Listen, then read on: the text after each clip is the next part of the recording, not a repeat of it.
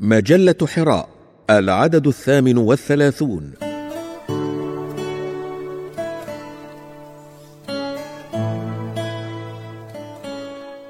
استشعار الجاذبية عند النبات بقلم عبد المجيد بالعابد.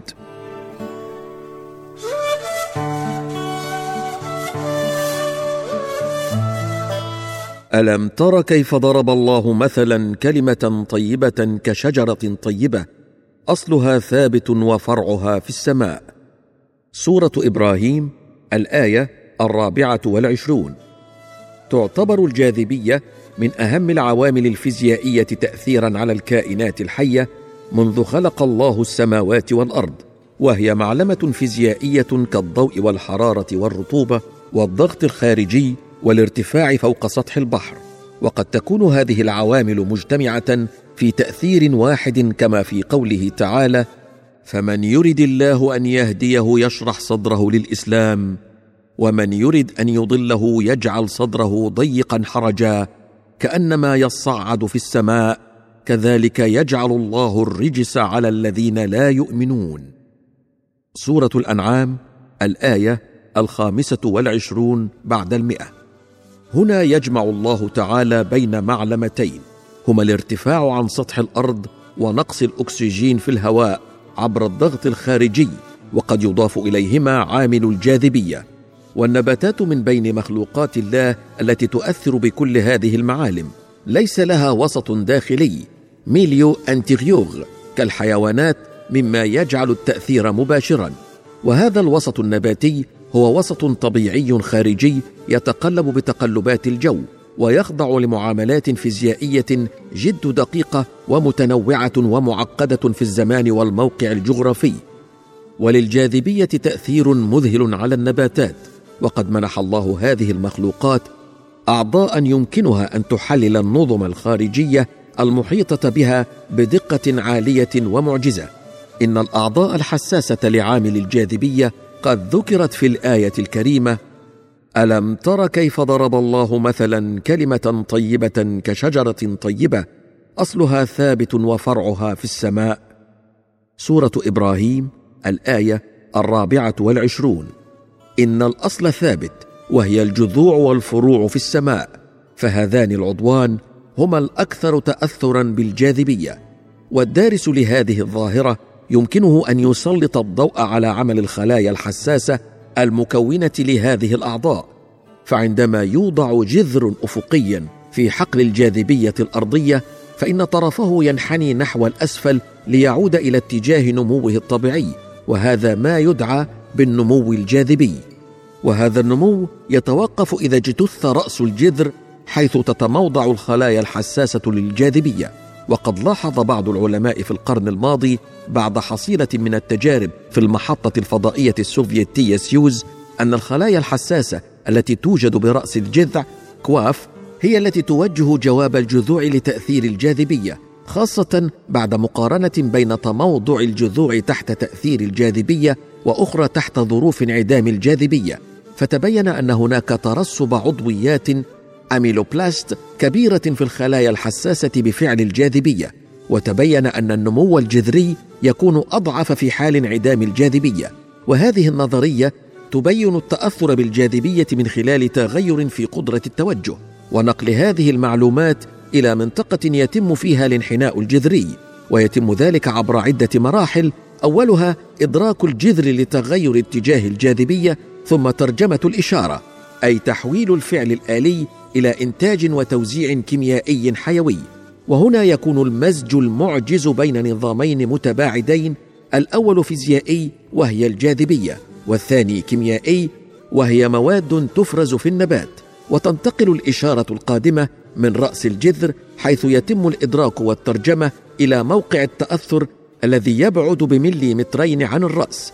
ثم ينشأ الانحناء الجاذبي في نمو الأجزاء العليا والدنيا من الجذور حيث يمكن ملاحظة طول الخلايا في المواضع القريبة من الرأس بواسطة المجهر. وقد أثبتت بعض التجارب أن الانحناء الجاذبي ينشط بانتقال كابح للنمو من رأس الجذر باتجاه منطقة الاستطالة والنمو. في هذه الحالة تكون العضويات الجاذبة واسمها أميلوبلاست متموضعة قرب الجدار الخلوي الأبعد عن النسيج الإنشائي في مؤخرة رأس الجذر كواف. وهكذا يفترض وجود ضغط على بنية حساسة على الجدار الطولي لخلايا مسؤولة عن تمثل الانحناء الجاذبي. وتبين الدراسات أن هناك آلية تحد من انحناء الجذور على الأرض في حين أنها تتوقف عن العمل مع انعدام الجاذبية. وهذا يفترض أن درجة انحناء الجذور هي نتيجة قوتين متعارضتين ومتتاليتين إحداهما تحرض رد فعل الانحناء الجاذبي والأخرى تعدمه. أكد البحث أن هناك علاقة بين الجاذبية الأرضية والنباتات يجعل لديها القدرة على الانتصاب في حالة ميلها بسبب الرياح والحوادث الأرضية الأخرى حيث إن لديها تقبلا ذاتيا بالوضع والحركات والتوازن. وقد أجريت تجارب مع فريق من الطلبة بجامعة محمد الأول كلية العلوم وجده المغرب على عدة أنواع من النباتات منها العدس وعباد الشمس والجلبان. فتبين من الحسابات أن النبات لديه الإحساس بالميل والانحناء مما يجعله يرجع إلى الشكل والوضع الطبيعي مرة أخرى وأن ذلك يمر من خلال الخلايا الموجودة في الكوع الخارجي للساق الذي يقوم بتصحيح وضعه.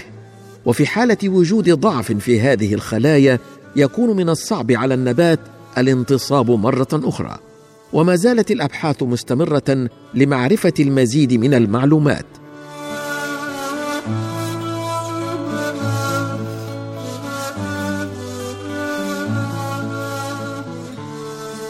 عند وضع نبتة في وضع أفقي يتجه الساق إلى أعلى والجذر إلى أسفل وتسمى عملية اتجاه الجذر إلى أسفل بالانتحاء الأرضي الذي يظهر حالما تبدأ عملية إنبات البذور.